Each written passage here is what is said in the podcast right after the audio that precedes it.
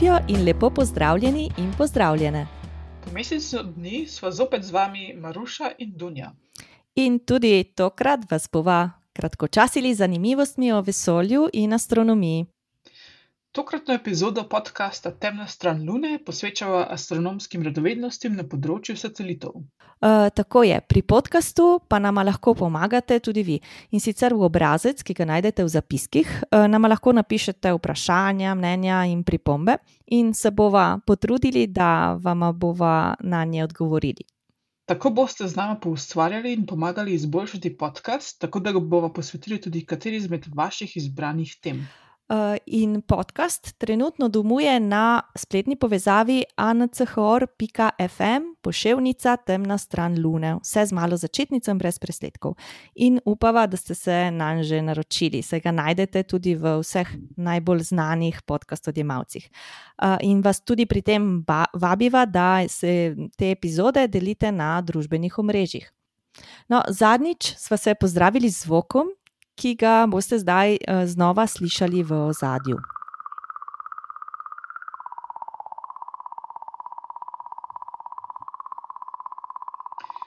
Verjetno se sprašujete, kaj sploh je ta vesoljska pesem. Pred nekaj leti smo namreč veliko slišali o sondi Rosetta, ki se je po desetih letih vožnje po vesolju približala kometu z imenom Čurjumov Gerasimenko. Na krovu je imela razno razne inštrumente, Eden izmed njih je bil naprimer za raziskave interakcije med kometom in delci, ki prihajajo iz Sonca in jim pravimo Sončev veter, pa tudi taki za razumevanje strukture kometa, njegovega jedra, površja, njegove atmosfere, ki ji pravimo koma. Kar se je potem zgodilo, je bilo to, da je magnetometer avgusta 2014, ko je bila Rosetta 100 km stran od kometa, zaznal tako nenavadna nihanja magnetnega polja. In ker so ta nihanja dovolj počasna, no, oziroma ja, no, uh, so, so frekvence potem morali povečati za faktor 10.000, in tako jih lahko tudi mi slišimo, saj je naše pač slušno območje tipično med 20, 20, 20 Hz in 20 kHz. Uh, vendar pa ob vsem tem znanstvenikom še vedno ni uspelo dognati, zakaj pride do takih nihanj. Ugibajo, da bi vzrok bil lahko v aktivnosti kometa, Eh, komet namreč v svojo okolico oddaja nevtralne delce, ki pa se kmalu ionizirajo in zato postanejo nabiti. Trenutno vemo, da je petje zamrlo, ko se je avgusta leta 2015 komet gibal zelo blizu Sonca, eh, ampak že čez šest mesecev je znova začel prepevati. Vendar eh, kometovo petje še danes ostaja uganka. Jaz sem pa kar navdušena, ko najdem nek tak primer fizikalnega pojava, ki eh, se ga potem prenesti v zvočno obliko. Temu, temu se reče sonifikacija, in imamo več takih primerov v astronomiji. In pojavi postanejo tako skoraj da bolj otipljivi, ker jih zaznamo uh, pač preko zvoka. Ne? No, in če zdaj preideva od rozete k drugim satelitom. Uh, imava, torej v tem mesecu je prišlo do, uh, do tudi nekaj novosti. A, tako je.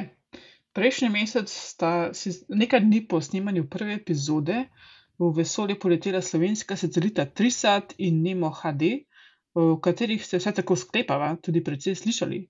Če je kdo slučajno zamudil dogajanje okrog teh satelitov, naj uh, jih še na kratko opiševa. Uh, ja, torej slovenska satelita sta nanosatelit Trisat, uh, ki ga je razvila Univerza v Mariboru. Uh, je manjši satelit, tehta samo 5 kg in je namenjen testiranju vesoljske elektronike. Uh, potem pa je še zraven tega poletel tudi mikrosatelit Nemo HD, ki je pa težak 65 kg in ga je razvil Center odličnosti vesolje SI in z njim bo uh, pač omogočeno interaktivno opazovanje Zemlje. Ta izstrelitev je posebnost tudi zato, Eh, ker so prvič uporabili Small Spacecraft Mission Service Richer Dispenser, eh, tak je angliški izraz, eh, s pomočjo katerega lahko raketa prevaža sočasno več manjših misij, takih od enokilogramskih CubeSatov do 500 kilogramskih mini-satelitov. In če vam krajši opis, ki smo ga zdaj naredili, ni še dovolj, lahko sežete tudi po, po zapiskih, kjer uh, boste našli nekaj takih člankov in oddaj, ki so se nam zdeli zanimivi za nek mal globlji pogled v, v ta dogodek. No, pri tem moramo omeniti tudi, da sta slovenska satelita imela nekaj smole, prednost sta končno poletela v vesolje. Najprej z raketo Vega, ki je junija lansko leto imela težave z enim od motorjev in je izgubila tovor.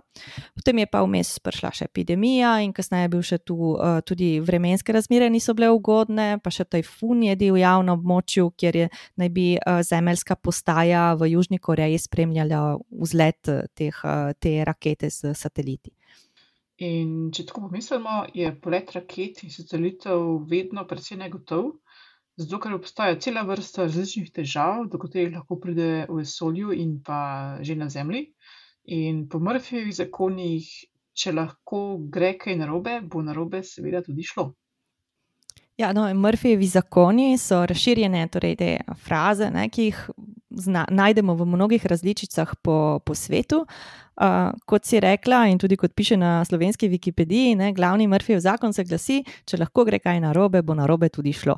In za prvo formulacijo zakona, ki se po njem tudi imenuje zgleda, torej naj bi to, ta, ta zakon izrekel ameriški inženir Edward Aloysius Murphy uh, ob težavah pri preizkušanju ravno raketnih sistemov leta 1947.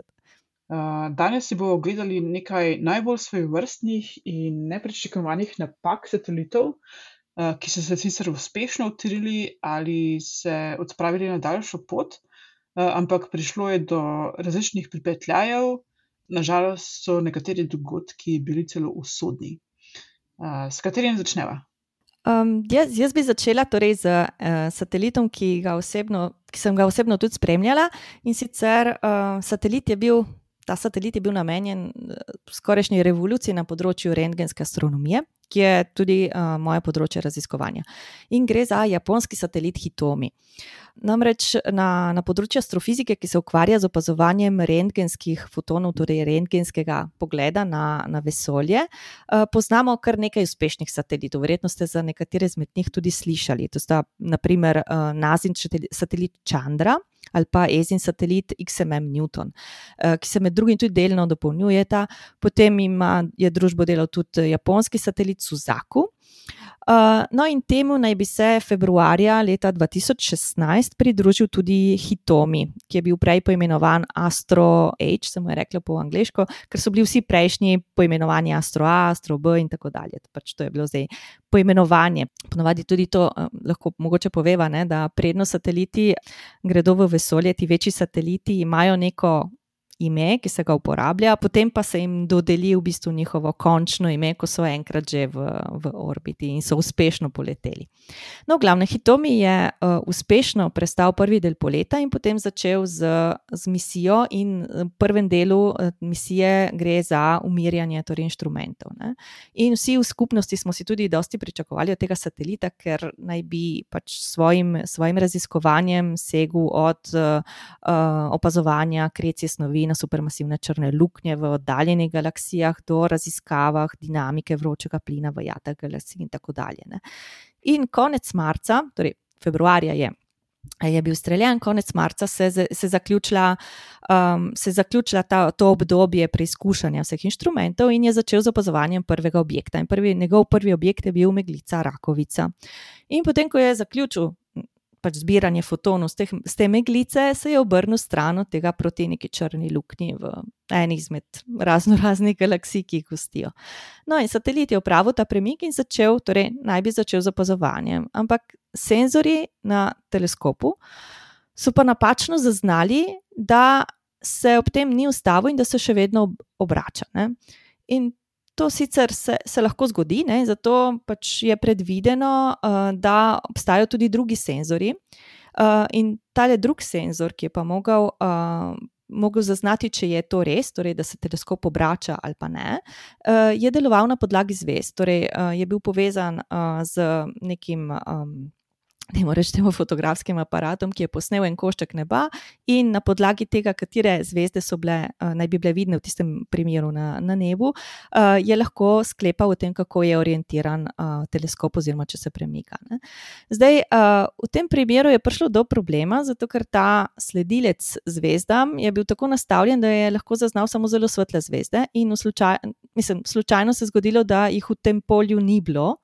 In ti dve meritvi nista doprinesli neke končne rešitve, in tisti senzor, ki naj bi imel večjo težo, torej um, bil bolj. Um, Uh, bolj pomemben, torej bolj točen, da jim rečem, je bil pa ta prvi senzor. Ne? In zdaj se je pojavil spet en tak uh, problem, ne? in torej Hitomi je šel v tako zvani safe mode in čakal na ukaz zemlje. Zdaj, glede na to, da je ta prvi senzor, torej tisti, ki je zaznal nek premik, ki ga v resnici ni bilo, je bil tisti važnejši, da jim rečem, um, se potem, so se potem z, z zemlje odločili, ne inženirji, da pošljejo ukaze za prižig potisnikov, uh, potisniki so trasteri, ki naj bi premaknili nazaj teleskop. Ampak ti ukazi so bili, torej tukaj je še pa dodatna napaka, ne, ta je pa človeška napaka, ukazi so bili napačni. In nekje se spomnim, da sem takrat v člankih prebirala, da je pisalo, da je, vem, da je bil nekje nek minus na mesto plusa ali pa nekaj takega. No, in satelit se je začel vrteti in še bolj divje vrteti, in končno se je zaradi vrtenja, torej zaradi tega divjega vrtenja, ker se ni ustavil in ker ni pač nobenen od teh senzorjev ni vedel, kako, kako, stvari, kako stvari urediti, ne? torej so se bili na vzkriž, se je na koncu razbil na kose. So se odcepili, zelo verjetno, torej ti solarni paneli, ki niso tako močno zasidrani na, na teleskop. In nesreča v bistvu ni bila tako jasna, ker ko se je to dogajalo, so prehajali iz, mislim, na, na, na neke avstralske postaje, ki bi naj to spremljale. Ne? In kar naenkrat ni bilo več signala v bistvu. In ko so dobili potem znanstveniki prve slike, prve posnetke, tudi delcev iz okolice, kjer naj bi se nahajal satelit, je bilo jasno, da, da je šlo nekaj narobe in hudo narobe. Torej, za Zemlje so, so pazili celo enih deset kosov satelita, med katerimi sta bila dva večja in se jih da tudi pogledati na videoposnetkih. Uh, med drugim lahko tudi enega izmed teh dodamo med zapiske in se pač vidi, kako se eden izmed teh večjih kosov premika po nebu in se vrti. Torej, to vrtenje. Eh, zaznamo zato, ker se mu vsi spremenjajo. Torej. In koliko stvari je šlo na robe uh, in katere so bile, so pa ugotovili šele mesec dni, uh, pač ko so začeli potem še te preiskave. Ne. Ja, nažalost je bil ta satelit zelo kratkotrajen, precej stvari je šlo na robe in bile so usodne. Ampak na srečo obstajajo tudi sateliti, ki sicer so imeli težave, ampak so jih uspešno premagali. Uh, ja, tako je. In eden izmed njih je tudi zelo uh, slaven, da po mojem, da ga vsi poznajo in je ravno letos praznoval 30 let. Boš ti povedala? Ja, tako je. Letos um, so praznovali 30. obletnico obstoja. Uh, in sicer go, govoriva o Hubblovem vesoljskem teleskopu. Uh, ta teleskop je ob strelitvi imel težave, ki niso bile tako zelo majhne. Uh, sicer vse je bilo v redu s teles, tehnično s teleskopom, nobenih takih zelo usodnih težav, ampak izkazalo se je, da je bil teleskop nekoliko kratkoviden. Prve težave so se pokazale že pri zajemanju um, prvih slik. Namesto da bi točkaste svetila, uh, naprimer zvezde, na slikah gledali res točkaste, so bile um, nekoliko razmazane. Um, ne, pravim nekoliko, ampak večinoma so bile desetkrat večje od načrtovanega. Uh, to je pomenilo, da je šlo nekaj hudo narobe, in iz slik teleskopa tako niso uh, mogli zaznati podrobnosti na slikah oddaljenih objektov, recimo na oddaljenih galaksijah. In tako so začeli raziskovati, kaj je šlo narobe pri izdelavi zrcala. Kasneje se je izkazalo, da je podjetje, ki je zrcalo izdelalo, najprej uh, zrcalo poliralo uh, z nekimi instrumenti, potem kasneje pa so za, za zadnje poliranje zamenjali instrument uh, z novejšim, ki je bil veliko bolj natančen, ampak natančnost je že bila večja, ampak problem je bil v tem, da uh, točnost ni bila dobra. Zrcalo so uh, zgradili na napačen model. In končna oblika zrcala je sicer bila zelo natančno zbrušena, ampak oblika je bila napačna. In nažalost so to ugotovili šele takrat, ko je bil teleskop že v vesolju. Ko je bilo enkrat zrcalo, um, oziroma teleskop v vesolju, je um, seveda gledalo vse izgubljeno, uh, ampak ker so uporabili tako natančne um, inštrumente, je bilo zrcalo zbrušeno zelo natančno, in kasneje, v naslednjih letih, po izstrelitvi, so znanstveniki prišli na idejo, da bi v teleskop vstavili korekcijska očala, ki bi lahko to napako popravila. Na srečo je bil teleskop načrtovan tako, da ga bodo oziroma so ga v naslednjih letih nekajkrat servisirali. Izstreljen je bil leta tisoč devetsto devetdeset in tri leta kasneje je bil načrtovan prvi servis, se pravi leta tisoč devetsto triindevetdeset. Prva ideja je bila, da bi v vesolje poslali novo zrcalo, cela štiri metra veliko novo zrcalo, ampak seveda je to praktično nemogoče. zato ker je drago in pa, zelo težko je menjati zrcalo v vesolju, med sprehodom astronavtov. zato so se na koncu odločili za očala, ki so popravila, vid tega teleskopa.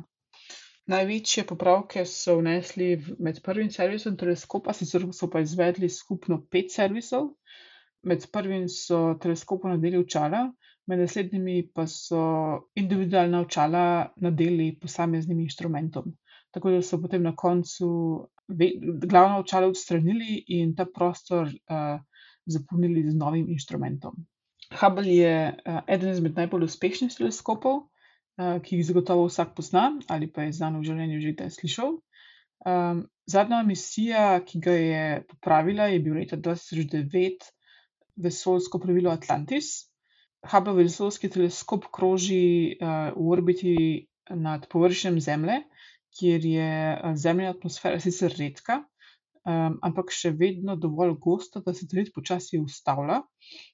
in zaradi tega satelit počasi pada proti Zemlji zaradi trenja z atmosfero.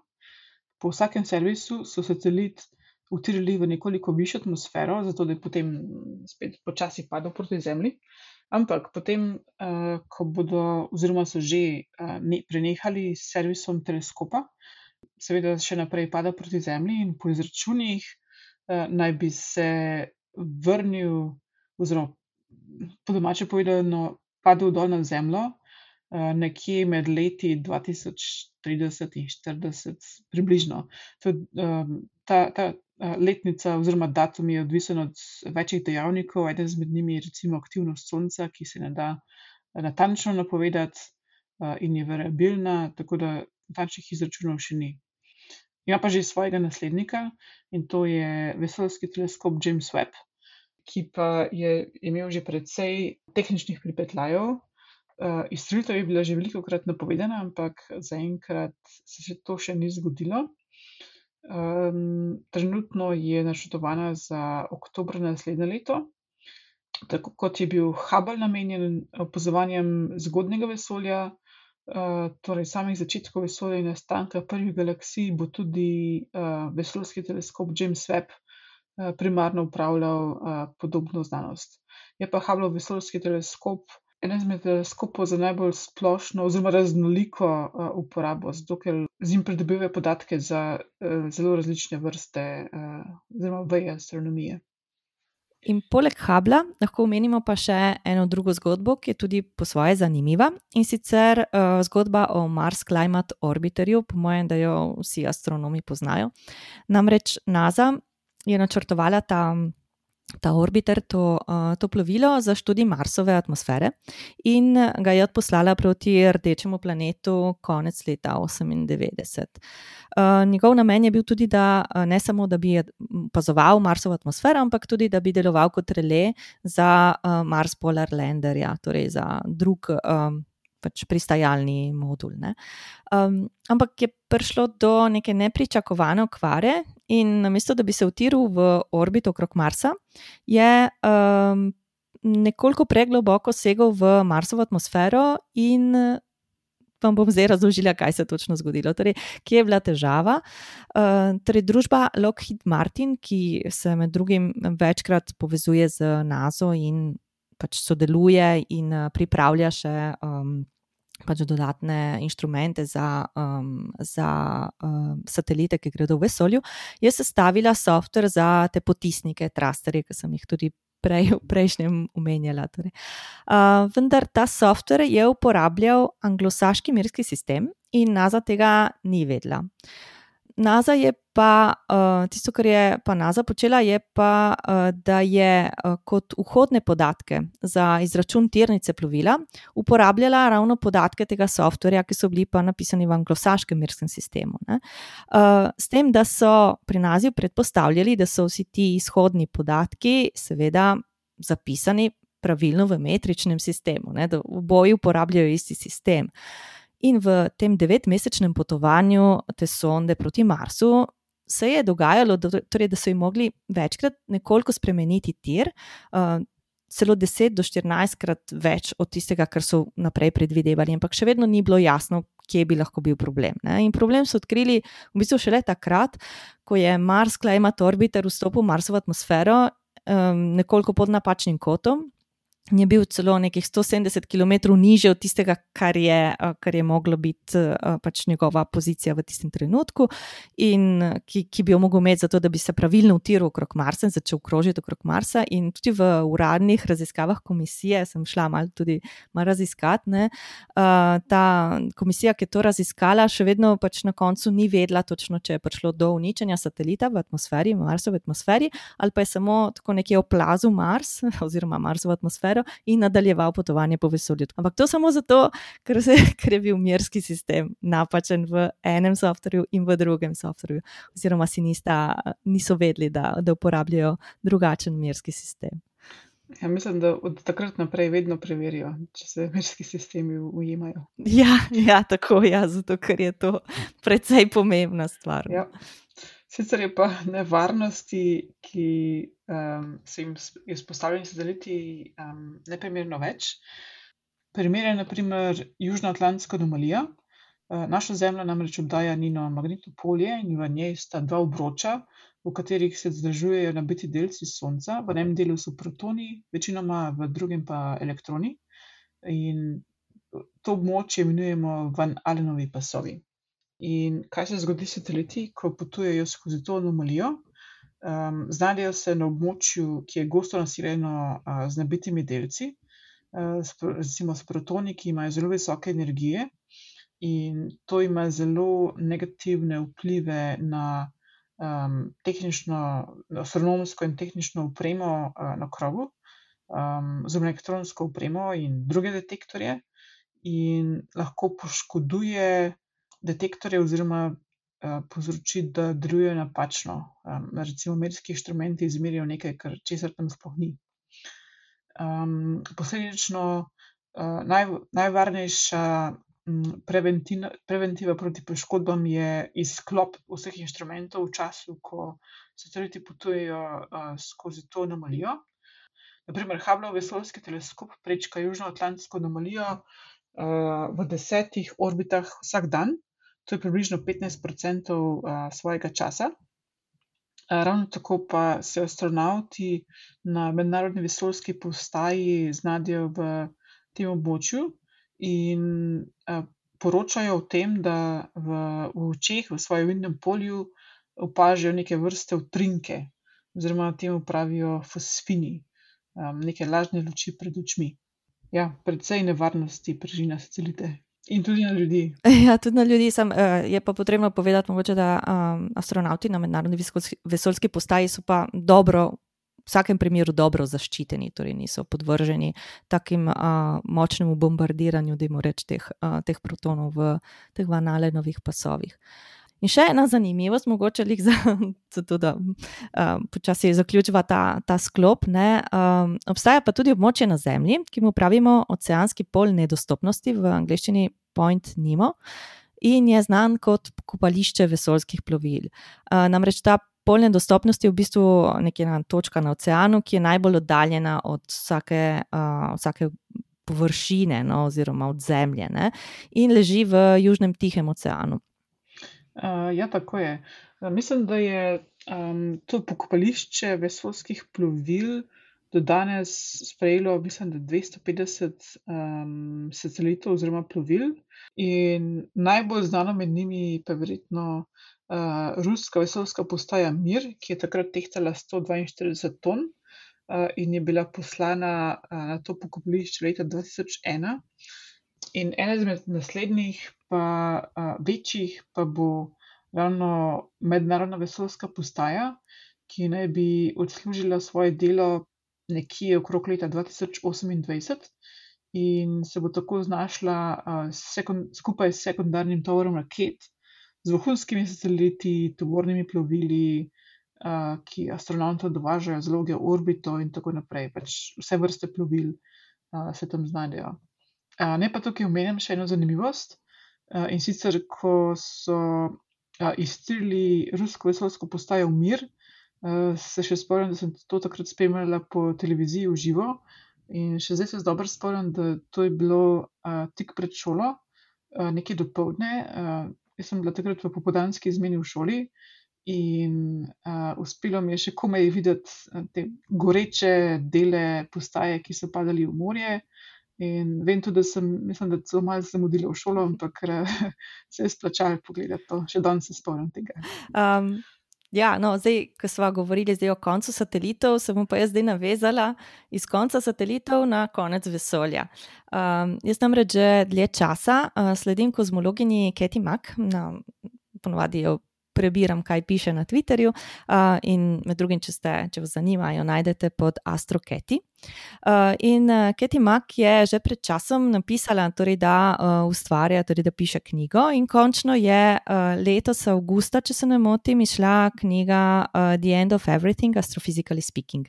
In v tej knjigi opisuje, pač, kako jih je profesor te svoje študente nagovarjal, in med njimi je bila tudi, seveda, Katie, uh, po povdanskih srečanjih in ko so imeli te proste pogovore, in je govoril, da pač da, da, da, vejo, da, da se lahko vesolje tudi konča končal v trenutku. In tako je ona začela tudi razmišljati o tem, so, um, kako se lahko konča vesolje, na katere možne načine se lahko to zgodi, in kako lahko, če lahko, konec vesolja vpliva na naš vsakdan. Tako da um, jaz priporočam, no, če, če, če ji lahko, dajte ji slediti. Drugače pa Katie Mack uh, se ukvarja, torej teoretična astrofizičarka. In uh, skuša v svojem delu zbliževati predvsem svetove bolj teorije, teoretičnega teoretičnega dela in opazovanj, ne, je docentka potem na Univerzi v North Carolina State. Uh, in potem se tudi ukvarja zelo dosti z popularizacijo astronomije, piše za razno razne revije, Scientific American, Sky and Telescope in tako dalje. In uh, zelo rada tudi pač, tako osebno stopi v stik preko, recimo preko Twitterja. In pred kratkim so pa z njo uh, imeli intervju v oddaji Frekvenca X, ki ga bomo dodali pač v, v zapiske. In ker se zdaj počasi tudi bližava koncu oddaje, uh, lahko mogoče še uh, postreževa z dogodki v naslednjem mesecu, ki so zanimivi z astronomskega vidika. A, tako je. V tej oddaji smo omenjali Mars. In ravno Mars bo krasil nebo tudi ta mesec. In sicer v torek, 13. oktober, bo v poziciji. To pomeni, da bosta Zemlja, Sonce in Mars eden nasproti drugega. Uh, okrog opozicije so namreč planeti najlepše vidni po noči, opazujemo jih lahko dlje časa. Mars se v taki ugodni legi znajde vsakih nekaj več kot dve leti. Eh, v tem obdobju je tudi najbližje Zemlji eh, in ravno zato tri sonde potujejo proti planetu in za svoje potovanje porabljajo veliko manj goriva, kot bi ga sicer. 22. in 23. oktobra boste v mraku, uro za sončnim zahodom, opazili Luno v bližini dveh svetlih pikic na nebu, in to nista zvezdi, ampak Saturn in uh, Jupiter. Uh, ne zamudite ju, če le možno, poiščite prijatelja, ljubitelja astronomije, da vam, pokaže, da vam jo pokaže skozi teleskop. Uh, za več prizorov in zanimivosti za opazovanje, uh, pogledajte priročnik Glej zvezde, ki smo ga že priporočali. Uh, Obaljem pa za vse, ki še niste naročeni, toplo priporočamo astronomsko revijo Spika. Eh, za tiste najbolj zagrete, ki si za opazovanje nočnega neba radi vzamete več časa, pa priporočam odlično knjigo Bojena Kambiča, Raziskujmo v zvezi z nogledom 10x50. Eh, vse povezave pa bomo dodali v zapiske. Eh, zdaj pa ne počil čas, da se tudi mi dve odpravijo po upravkih in se poslovijo od vas. Z vami so bili Dunja in Maruša in to je bila druga oddaja podcasta Temna stran Lune. Upava, da ste izvedeli kaj novega in zanimivega in da ste prijetno preživeli čas v najni družbi. Vsak podcast seveda potrebuje tudi poslušalce. Tako da, če vam je bil všeč, se znova priporočava za oceno ali pa za kratko mnenje, ki ga nam ga lahko posredujete tudi preko spletnega obrazca, ki ga najdete v zapiskih. In tudi vprašanja in predlogi so zelo, zelo dobrodošli. In tudi tokrat smo pripravili zanimivo zvočno uganko. Potrebujete pa čim več tišine, nekoliko glasnejše base, da boste zvok tudi slišali. Pozorno prisluhnite.